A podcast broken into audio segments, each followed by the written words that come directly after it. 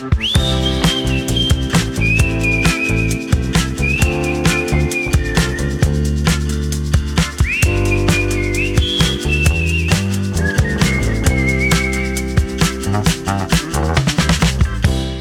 Sílvia, com anem? Hola Andreu, bé amb la calor però bé, bé. Escolta, com va anar per Andorra?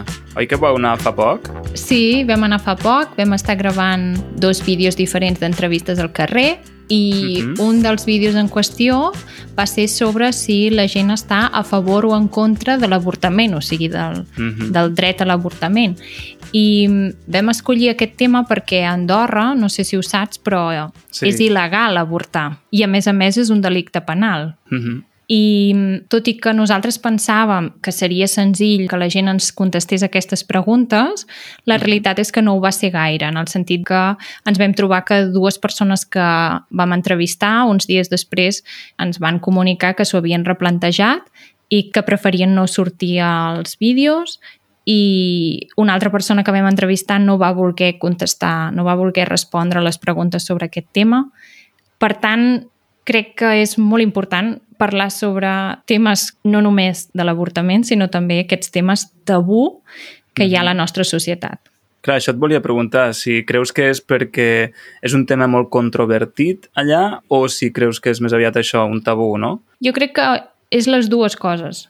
Uh mhm. -huh. O sigui, ja és un tema tabú a la nostra societat com a tal i a més a més el fet de ser il·legal i de ser un delicte penal doncs crec que és un tema que a més a més la gent no, no en vol opinar i no vol, no vol fer com pols, no, no vol... Mm -hmm. És que penso que també és un tema en el qual es barregen moltes qüestions mm, no només ètiques, sinó també biològiques i sobretot socials, no? I llavors hi ha com moltes coses per tenir en compte a l'hora d'abordar aquest tema mm -hmm. i és fàcil començar-ne a parlar i obviar moltes de les consideracions que són molt importants, no? O sigui, és, mm. és, realment és un tema molt ampli i pot ser, doncs, això. Sí, estic d'acord amb tu, que cal parlar-ne per ser més conscients de tot el que implica, no? Mm. També val a dir que totes les persones que vam entrevistar estaven a favor, eh? del dret uh -huh. a mhm. l'avortament, llavors no és perquè algú estigués en contra i llavors no volia que, se, que sortís la seva idea o, uh -huh. o sigui, que la gent no pensi que... D'acord. Molt bé. Simplement, això. Llavors, el que m'agradaria avui és parlar sobre temes tabú de la nostra societat. Què et sembla? Vinga. Jo sí, jo encantat. Encantat de parlar de qualsevol tema. Doncs va.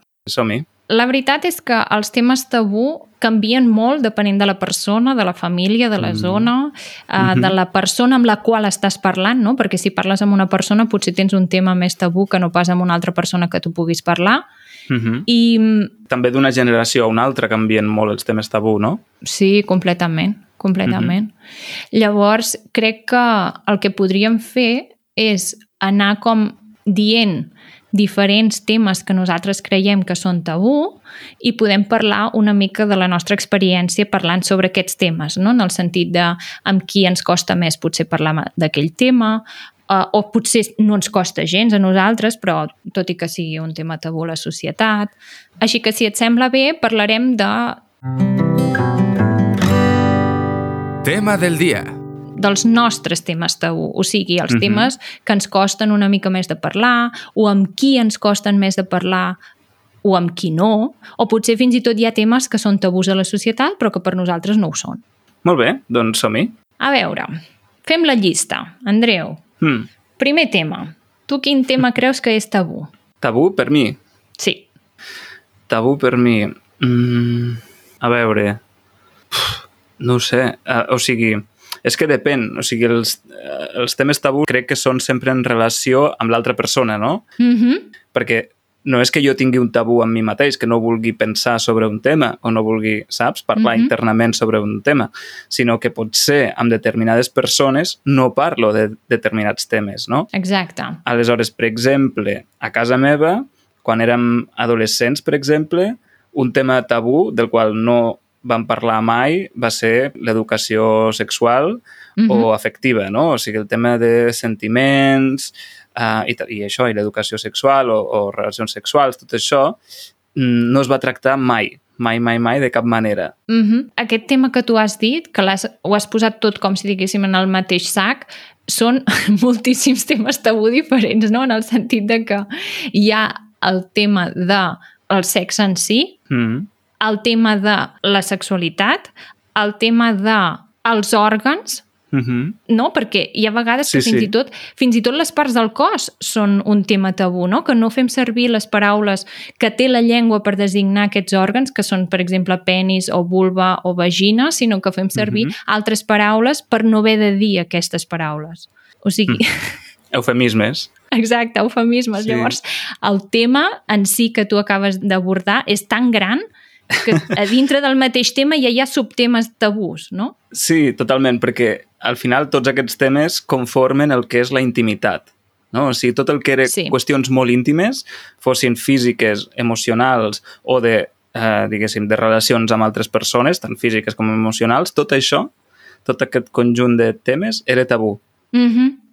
Això crec que um, en cada família és diferent, no? S'intenta abordar el tema d'una manera o no abordar-lo de cap manera, però crec que hi ha una cosa que s'ha de tenir molt en compte i és tot el tema d'abusos sexuals, violacions, violències de qualsevol mena, perquè tu Mhm. també has mencionat el tema de les emocions i crec Mhm. que no hi ha ningú que vulgui que una persona estimada pateixi qualsevol de les coses que acabo de dir fa un moment. Clar. Llavors, si no volem que passin aquest tipus de coses, el millor és crear un ambient a casa que sigui segur i que aquesta persona pugui expressar el, els sentiments, el que ha patit o, el que, o els dubtes que pugui tenir en relació a alguna cosa que li hagi passat. Llavors, crec de veritat que aquest tema tabú hauria de trencar-se i, i millorar en molts aspectes, en moltes cases, per tot això. Totalment. El que passa que trencar un tabú és una acció conscient i perpetuar un tabú, és a dir, estic tot, totalment d'acord, el que eh, vull fer una reflexió de per què hi ha aquests tabús i per què es transmeten moltes vegades, no? I és Mm. que si a tu no t'han ensenyat a parlar d'alguns temes amb els teus pares, després tu, quan siguis pare, probablement no sabràs com abordar aquest tema amb els teus fills. Totalment. És, és tan senzill com això. I a vegades Mm. això és una cosa que s'ha transmès de generació en generació fins a arribar doncs, a, a, a l'actualitat, no? Mm. I, I aleshores, diguéssim, fer-ho malament és fàcil, perquè és, Sí, és clar. fer-ho Mm. malament és, és la part fàcil. La part difícil és voler fer aquest canvi intencionadament per ser més conscients, no sé, i, i parlar obertament dels temes. Aquí també hi ha un altre tema relacionat i és les relacions fora del marc comú que coneixem nosaltres, no? O sigui, Uh -huh. Ara, per exemple, estem en, una, en un temps uh, en què apareixen moltes relacions que potser hi hauria gent que no s'hauria plantejat mai o altres relacions que potser hi han sigut sempre però continuen veient-se malament per una part de la societat, no? Doncs uh Mhm. -huh. tot això també pot ser un tema tabú en el sentit, per exemple, una parella que es portin 30 anys de diferència o un, una parella, no sé, jo què sé, que Mm. no sigui una parella, que siguin quatre persones juntes. Aquestes Mhm. coses que potser surten una mica del que estem acostumats fins ara i llavors siguin coses que com que trenquen amb la normalitat sigui una cosa complicada de veure i de parlar-ne. Sí, per això mateix, no? que si mai has parlat d'un tema, eh, després moltes vegades tampoc saps com tractar-lo, no? Mm. aquell tema. Sí, totalment. D'acord, I per tu? ara en dic jo un, d'acord? Sí, Jo dic, a veure, quin dic? La bellesa. la bellesa en B alta o en B baixa? Doncs mira, les dues, perquè estan molt relacionades. El Mhm. fet de fer-se gran, Per tant, en B baixa. que una persona es faci vell, no? Mhm. Sembla que la paraula vell o vella sigui despectiu, no? Sí, segons com. Per què és despectiu? Perquè hi ha molta gent que ho veu malament perquè veuen que els hi surten arrugues o ja no poden fer el mateix que feien abans o Mm. mm. veuen que la societat els exclou de diferents rols com poden ser pel·lícules, sèries...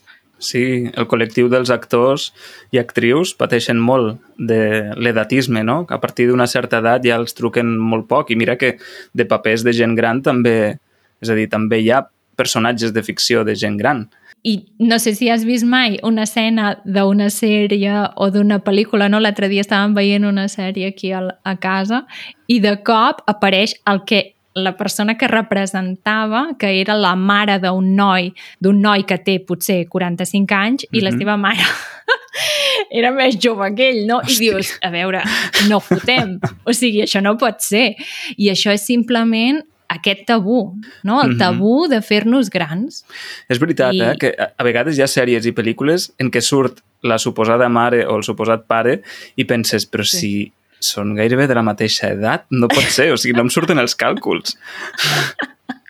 Sí, sí. O el va tenir quan tenia dos anys o això no, no Mm. funciona, no? Sí, sí, Sí, sí. totalment. Sí, a més, bé, jo em trobo ara que tinc una companya de feina que té la mare malalta i és una persona gran Mhm. Mhm. i, eh, òbviament, s'estima molt sa mare i és la, com una persona molt important per a la seva vida, però ara mateix també és una càrrega Mhm. és una càrrega per a Sí. ella i li porten molts mal de caps la gestió de tot el que té a veure amb la seva mare, no? És que les cures de la llar són molt complicades i normalment sempre recauen sobre les dones, però això seria ja un altre tema per a un altre Clar, podcast. clar, Però, sí. uh, però sí, o sigui, la cura no només dels pares, sinó dels fills, és un fet i, en fi, o sigui, és que crec que tots els temes relacionats amb la bellesa um, són un gran tema tabú per la societat i l'únic que volem d'aquestes persones grans, o sigui, dels vells de la societat, és aprofitar-nos en el sentit que, ah, truca als avis per deixar els nets. Mm -hmm. No els hi preguntis com estan. Ja. Simplement, escolta, em pots cuidar el net? Sí, Mm, sí. A veure, potser també que preguntis, no? Hola, com estàs? Demà tens algun pla? No has, uh, has planejat alguna cosa? No? D'acord, t'aniria bé que et portés el net, Mm -hmm. per exemple. No? Aquest és un petit exemple. Llavors, um, crec, crec que aquest tema també és complicat. Sí, sí, i parlant de la bellesa amb B baixa i relacionant-ho amb el tema tabú anterior, un altre tema tabú és la sexualitat en la bellesa en la tercera edat, Sí, no? sí. Oh, i tant, sí, sí, sí. Mm. Molta gent es pensa que ja està, no? Que s'ha acabat. Clar. en el sentit de que no, no és possible, però és que són les mateixes persones que relacionen el fet de fer l'amor amb un acte sexual. I crec que s'ha d'obrir la ment, anar molt més enllà Mm. mm. i deixar que cadascú s'expressi de la manera que, que millor li vagi. Totalment d'acord. Què més? Més temes tabú? En dius tu un o en dic jo un? Ah, mira, te'n dic un altre, que també va ser tabú a casa eh, en aquella Mhm. mateixa època, l'adolescència. Un tema tabú era l'alcohol. Ah, mira, l'alcohol i les drogues en general també, eh? També. en el sentit sí. de que Mhm. si algú, no, algun adolescent fuma o veu o pren alguna cosa més, Mhm. eh, normalment no s'explica a casa, no? Sí, però Llavors- hi ha cases en què sí, en què es parla de manera molt oberta, en què de seguida que els fills han començat a tenir una edat, per exemple, 13, 14, doncs en dinars familiars o així, els hi han deixat tastar una copeta de Mm. cava o, saps? Mm. Només per tastar, per, per riure una mica o el que sigui. Um, a casa meva no va ser així i no només això, sinó que no es parlava del tema de l'alcohol, de si, per exemple, nosaltres sortíem de festa, doncs Sí. no se'n parlava ni en positiu ni en negatiu, no? Vull dir, fins Ah, i tot mira. tampoc ens prohibien de beure'n. Era, és, és un tema del qual no es va dir mai res, senzillament. Imagina't. I aleshores jo em trobava en una situació en què a vegades anava a casa d'algun amic i veia que prenia, això més endavant, eh? o fins i tot Mhm. ja passats els 20 anys, um, d'estar de, a casa d'un amic i veure com prenen una cervesa, sense anar gaire lluny, davant de sons pares, amb total naturalitat. I a mi és una cosa, és una cosa que ara, encara amb 30 anys, em costa de fer. Uau. Ja, és que els temes tabús són diferents fort, de cada eh? família, no? Llavors, Sí, sí. sí és, depenent de com portes el tema, pots arribar a crear aquesta sensació d'incomoditat. Mm -hmm. Llavors, és, és complicat, sí, sí. Mm -hmm.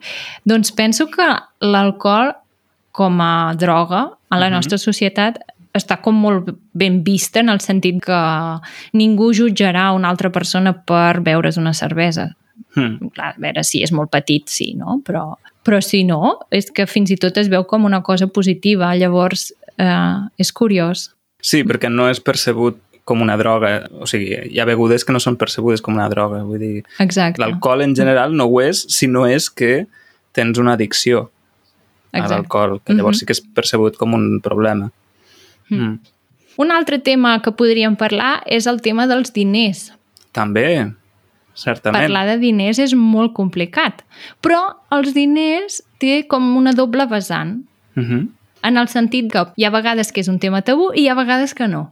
En quins contextos sí i en, en quins no? És molt curiós perquè, per exemple, si ara agaféssim i ens n'anéssim al carrer i preguntéssim a la gent quants diners té el banc o quants diners cobra de la feina, Mhm. segurament hi hauria molta gent que no ens voldria contestar. Mhm. Quants diners tens al banc? Hi hauria molta gent que no ens ho voldria dir. Jo no m'atreviria a sortir al carrer a preguntar això, ja t'ho dic. Ho veus? Ho veus? Sí. D'acord. És, és curiós, però en aquest àmbit, o sigui, quan els diners són teus, no? I també quan no ho són, en el sentit de quan algú demana un crèdit, una hipoteca, uh, un préstec en general, també sol ser una mica de tema tabú en el sentit de que la gent normalment no ho explica abans de fer-ho, sinó quan ja ho ha fet. Mhm. Sí, és Et veritat. diu, m'he comprat un pis i per comprar-me el pis hem demanat una hipoteca Mhm. però ja ho he fet. O un cotxe. M'he comprat un cotxe i ja se l'han comprat. Ja. Han demanat el, el préstec en qüestió. Però no, no, no et pregunta, escolta, que sé que tu en saps una mica més que jo del tema de diners. Tu penses que aquest crèdit que m'estan oferint, el 7%, és, és, és, és una, una opció bona? Mhm. No, això no ho diu la gent. Però jo tinc algun amic economista amb el qual hem parlat de diners i una conversa així la podríem haver tingut. Però veus? Ja, és economista. amb algú molt concret. Sí. És que a veure, Sí, sí, és sí. amb algú molt concret, no? Mhm. Sí. I en canvi hi ha vegades que els diners no són gens tabú. Mm. En el sentit que quan tu has de pagar alguna cosa entre molta gent, no? heu fet una festa i heu de pagar alguna cosa, o vols comprar alguna cosa i has de saber quants diners val, doncs això ho preguntes directament, Sí, sense sí. cap mena de problema. I, igual que en els casaments, tampoc és un tabú. Si voleu recuperar la nostra conversa dels casaments, busqueu a easycatalan.fm. Titulat Prou de casaments. doncs sí, sí. doncs sí, jo vaig créixer també amb la idea, i això recordo que ens ho van dir explícitament, que preguntar pel sou d'algú és de mala educació. O sigui, no està bé preguntar quan cobre una persona. Imagina't. Però després jo vaig veure un canvi, bé, quan va ser la crisi econòmica del 2008, no? Mhm. I, o sigui, la nostra generació doncs ja estàvem estudiant barra acabant els estudis al cap d'uns anys, no? I ja tenint com les primeres feines i això, i com que totes les feines eren precàries, doncs ja no hi havia aquest tabú, perquè ja pensaves, bé, tots, tots devem cobrar una merda, llavors um, no era cap problema preguntar pel sou d'una altra persona. I ho preguntàvem, però directament. O sigui, no sé Ja, si tu t'hi vas trobar en aquesta situació, però jo sí, eh? Estàvem tots tan cardats que era igual. que ens era, ens era Sí, sí. absolutament igual. Totalment, totalment. Era com preguntar, i, i, però és que tal qual, era com preguntar quantes hores fas, o sigui, quan, el teu contracte de quantes Sí. hores és. Doncs, quan cobres? Sí, sí, sí. Tal qual. Sí. Molt bé. Què més? Llavors, altres temes tabús. En faig una pluja, d'acord? I Mhm. llavors n'escollim un per parlar perquè n'hi ha moltíssims. D'acord. Hi ha, per exemple, les religions, Mm. el tema de la religió. Hi ha el tema de la política. Sí. Puc fer un incís? Sí, clar. Tinc una companya de feina, també, una altra, que és testimoni de Jehovà i Ah, sí. els que són testimonis de Jehovà, per exemple, no poden parlar de política. I, Ah, mira, això no ho sabia. i hi ha molts temes dels quals no parlen i aleshores, Ah. doncs, amb aquesta companya, doncs, hi ha temes tabú. Sí, sí. La política no només amb, amb aquesta religió en concret, sinó a famílies que hi han els fills, que cada, cada fill és d'un partit polític diferent, llavors mm. Els diners familiars millor que estigueu tots callats sí. en relació a aquest tema, no? Perquè si no acaba el dinar una mica malament. Mm -hmm. Sí, però O sigui, és un altre tema tabú que pot ser. La família en si pot ser un altre tema tabú. Hi ha famílies doncs, que, que hi ha molt drama familiar en el sentit que les relacions són molt complicades, mm -hmm. hi ha hagut moltes punyalades per l'esquena i llavors parlar, demanar sobre la família de vegades és un tema una mica complicat. Totalment. Un altre tema són les malalties. Sí. Hi ha molta gent que no gosa dir que pateix una malaltia, sigui física o mental, o gent que no gosa preguntar per l'estat de salut de l'altra persona, Mm. per por que surti un tema d'aquests i no saber gestionar-lo. Exacte. Uh -huh. El càncer fa molts anys era un tema tabú molt gran en el nostre Mm. país.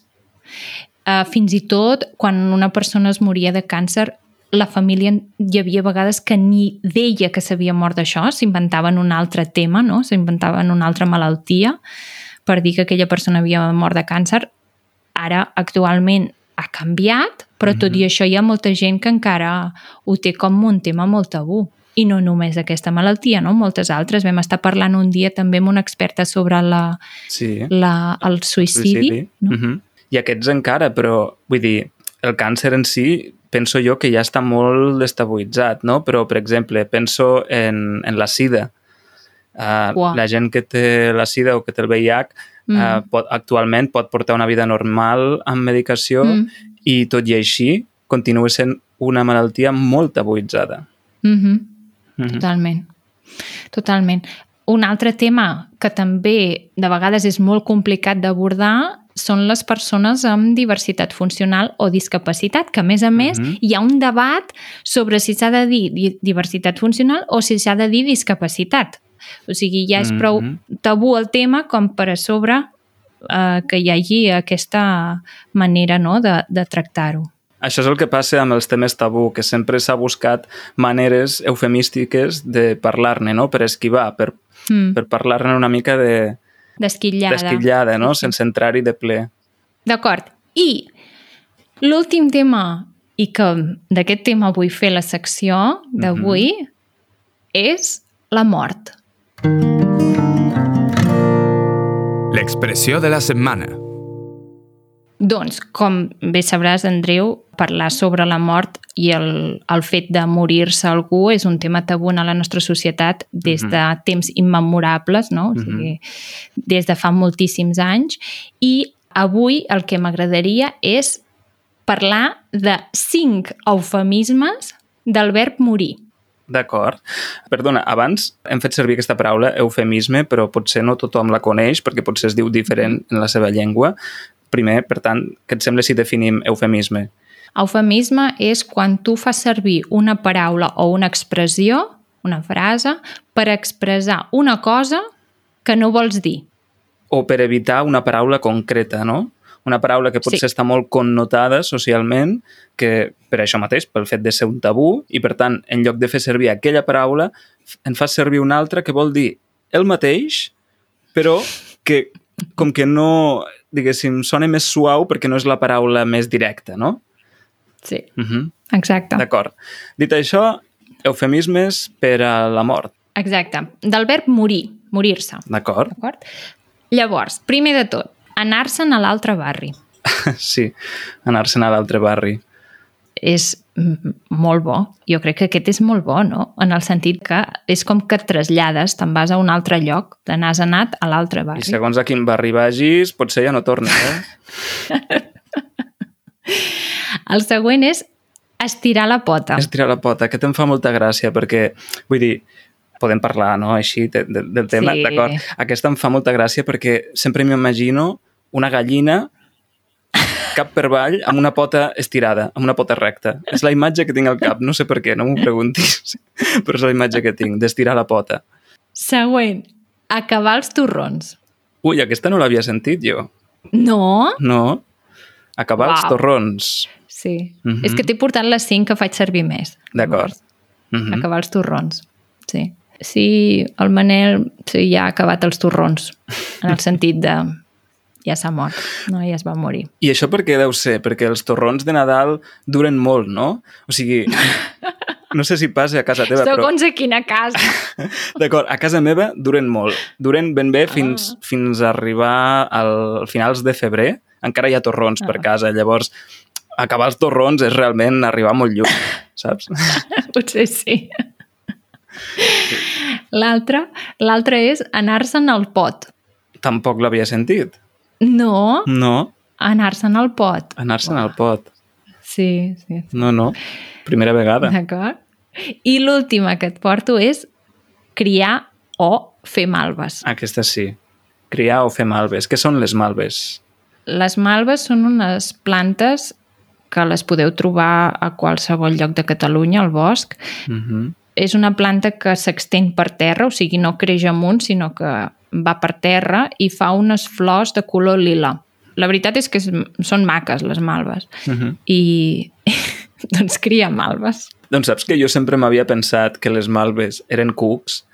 Què dius? Sí, perquè, és a dir, aquesta planta, vull dir, no sé quan ho vaig descobrir que no, però sempre havia pensat que les malves eren cucs i per, i per mi això tenia més sentit, perquè criar malves, no? Vol dir que tu, quan ja ets mort, ets un cadàver, doncs surten cucs del teu cos. Ai, per favor. I per, I per això criar malves, no? Després vaig descobrir que era una planta i, de fet, aquesta planta la conec bé perquè sempre, sempre l'he vist. O sigui, és una planta sí, molt típica d'aquí. Sí, sí, molt típica. Um, però, clar, Doncs a les notes de l'episodi us deixarem un enllaç a una pàgina web que he trobat avui uh -huh. on hi ha 225 eufemismes del verb morir. Què? 225? En, 225. en català. En català, sí. Què dius? És Uau. fortíssim. A veure, també s'utilitza molt traspassar, Però és que, Andreu, o sigui, 225. Podríem estar aquí tota la setmana dient-los. faltar, també. -huh. Molt bé, doncs crec que ja podem deixar aquí l'episodi, no? Molt bé, doncs a veure, a tots els que ens escolteu, si teniu algun tema tabú que no hem dit en la llista que acabem de fer, Mhm. escriviu-nos-ho al canal de YouTube, no sé si hi heu entrat mai, és Easy Catalan Podcast. Allà hi trobareu tots els episodis del podcast que fem i allà ens podeu deixar comentaris, que el Joan els va responent a mesura que els Mm. aneu fent. O també ens podeu escriure al grup de Telegram que tenim on anem enviant les notificacions de tots els vídeos i podcasts que publiquem. Que diria que això ho fas tu, Andreu, no? De Sí. respondre allà. Això ho gestiono més jo. A més a més, a, a Telegram és molt més fàcil d'enviar una nota d'àudio perquè és com si ho fessis a WhatsApp, no? Vull dir que allà ho podeu fer, a més a més, sense límit, a diferència d'Instagram, que ho limite a 60 segons. Uh -huh. I, per tant, doncs això, us animem a deixar el vostre comentari, a explicar els temes tabú que hi ha a casa vostra o al vostre país o on sigui i els comentarem. Molt bé. Dit això, doncs, moltes gràcies a tothom per haver-nos escoltat. Gràcies al Departament d'Empresa i Treball de la Generalitat de Catalunya, com sempre. I moltes gràcies als mecenes i a tothom que ens dona suport. Exacte. Que vagi molt bé. Adeu, adeu. Adeu, adeu.